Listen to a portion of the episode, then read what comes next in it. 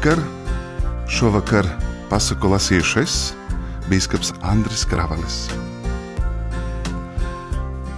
Es nāku no lielas ģimenes, mēs esam pieci bērni, un vienmēr pasakām, stāstiem, teikām mūsu ģimenē ir bijusi liela nozīme.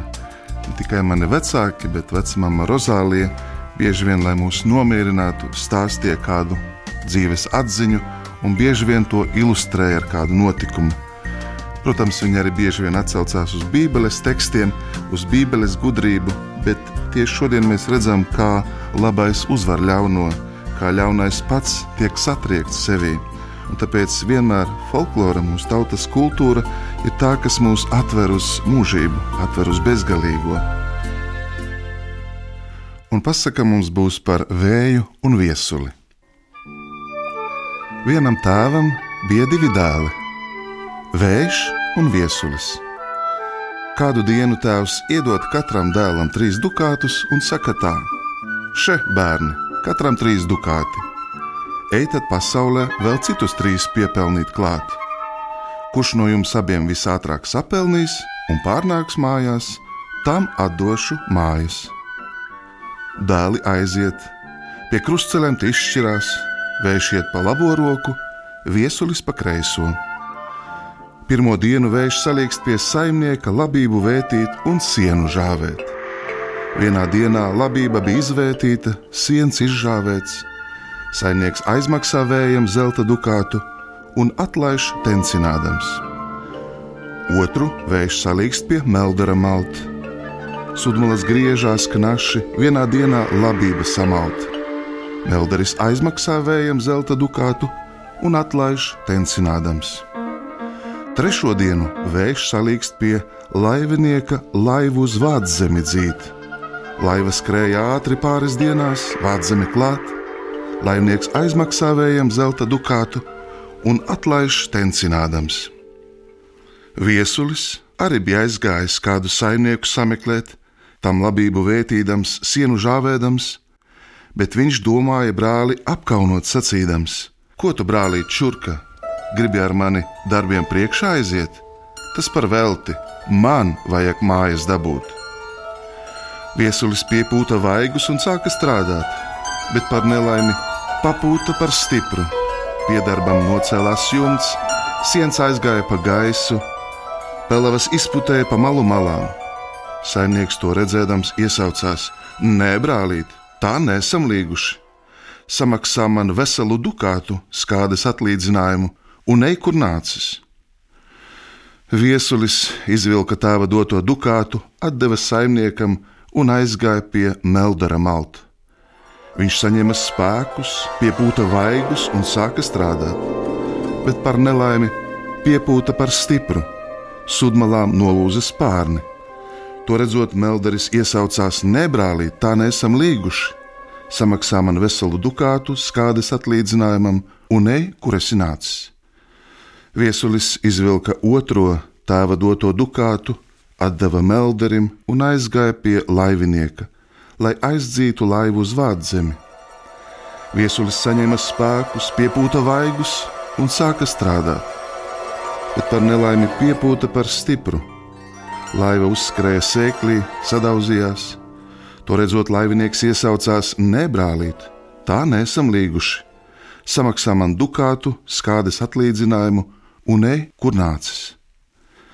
Viesulis izvilka trešo tēva doto dukātu un steidzās uz mājām pie tēva. Bet brālis, vējš, bija jau priekšā ar nopelnītajiem dukātiem. Vējam bija seši dukāti, tas dabūja mājas, bet šim ne dukātu, ne māju.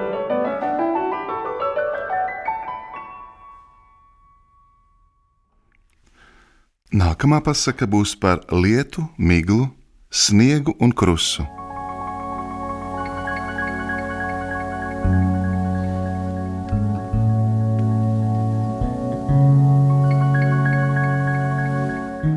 Divi pāri, lietus ar savu sievu miglu un sniegs ar savu sievu krusu, izgāja darbu meklēt. Pie krustceļa abi pāri šķīrās Lietus ar miglu gāja pa labo roku, sniegs ar krusu pa kreiso. Pēc triju dienu gājuma lietus ar miglu nonāca pasaulē.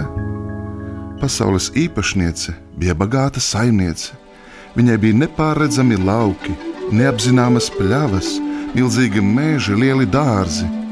Pie tādas saimnieces darba bez mitas. Tur bija ko laistīt, tur bija ko ravēt, tur bija ko pļaut, bija arī ko žāvēt. Tā nu lietus ar miglu nonāca pie šīs bagātas saimnieces un uzmācās, lai dodot darbu. Kādu darbu tad protiet, pasauli uzprasīja? Es protu daudz, lietus atbildēja, bet vislabāk man vedas dārzus laistīt, puķis audzēt, kur savu roku pielikšu, kur laistīšu, tur augs smaļi, tur ziedēs līgodamies. Tādēļ es laistīšu, un mana sieva migla nesīs ūdeni klāt rītos, vakaros, lai viņa nokāp jūriņā, pasniegt man ūdens krājumus. Es sniegšu viņai roku pretī, sakrāšu ūdeņus un nākšu dienas karstumā tavus augus veldzināt. To dzirdot, pasaule pieņēma abus un pavēlēja, lai tuliņ stājoties pie darba. Migla nogāja uz jūru, nostājās uz jūras kāpām un lūdza mīlīgā balsī: Jūriņ, mīļā, jūriņ, labā! Dod man lai kādu tiesiņu no saviem ūdens krājumiem.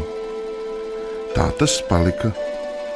Tāpēc nedēļas laika, kur gadījušies, kur nē, sniegs ar krusu klāt. Esot izrājušies šur un tur, nekur darba atrast, lai dodot darbu.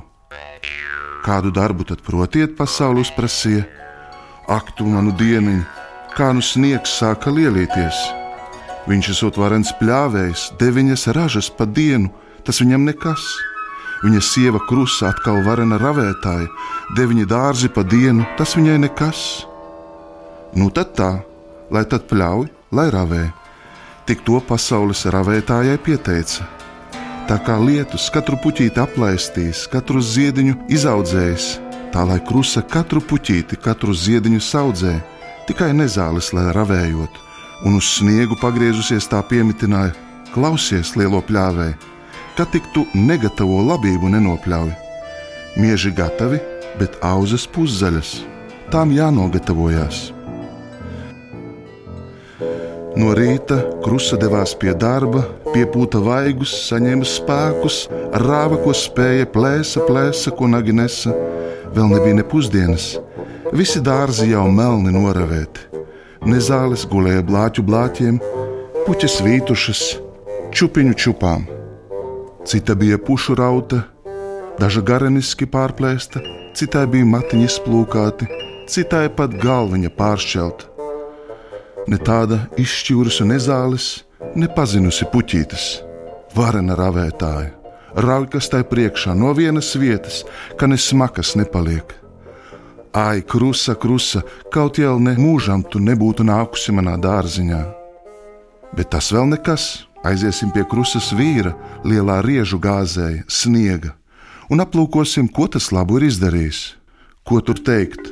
Nopļāvis gan gatavas, gan negatavas drūvas. Balts vien tur palicis. Sniegs tāds pļāvējs, jau neprasīs, vai gatavs. Viņš tik domā, ja esmu atnācis pļaut, tad lai arī krīt, kas vien tiek priekšā. Gaidīt jau negaidīšu. Un tā arī bija. Tur gulēja stiebriņa zaļgani, tur vārpiņas pusaugušas, aizsniedziņ, cik tu bargs esi, vai nevarēja pagaidīt, kamēr pat beidzamā vārpiņa ietekās? Pēc pusdienas pasaule iznāca dārzu lūkoties, druviņu apskatīt. Ak, tavas briesmas, ko viņa te redzēja?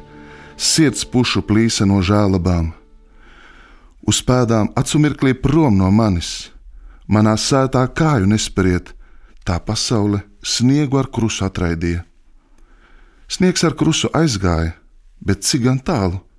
Turpat uz pasaules ežām tie nosēdās un pārdomāja, kā vislabāk par atraidīšanu atspītēt, un atspītēja arī. Vēlāk, kad pasaules puķītes atkal stāvēja pilnā kuplumā, kad lietus ar miglu pasaules labie kalpi bija visām raibākos svārkus, spožākos vainagus darinājuši, tad krusa nāca pasaules saimniecei atspītēt.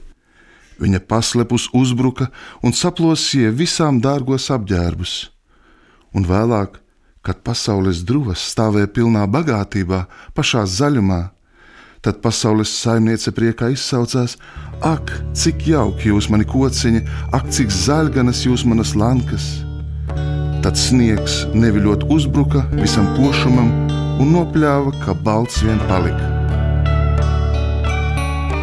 Vai nu nav tā? Ielaidies ar ļaunumu tik vienu dienu, un vēlāk nevaļā netiksi ir viņu atraidīdams, viņš ienaidu turēdams, tev spītēs, kur pietikdams.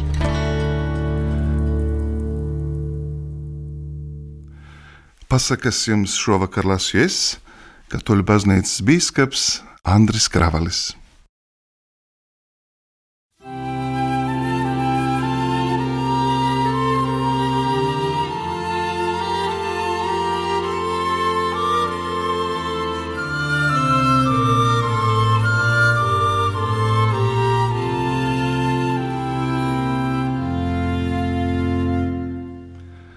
Mīļie bērni, Ziemassvētki ir brīnuma laiks.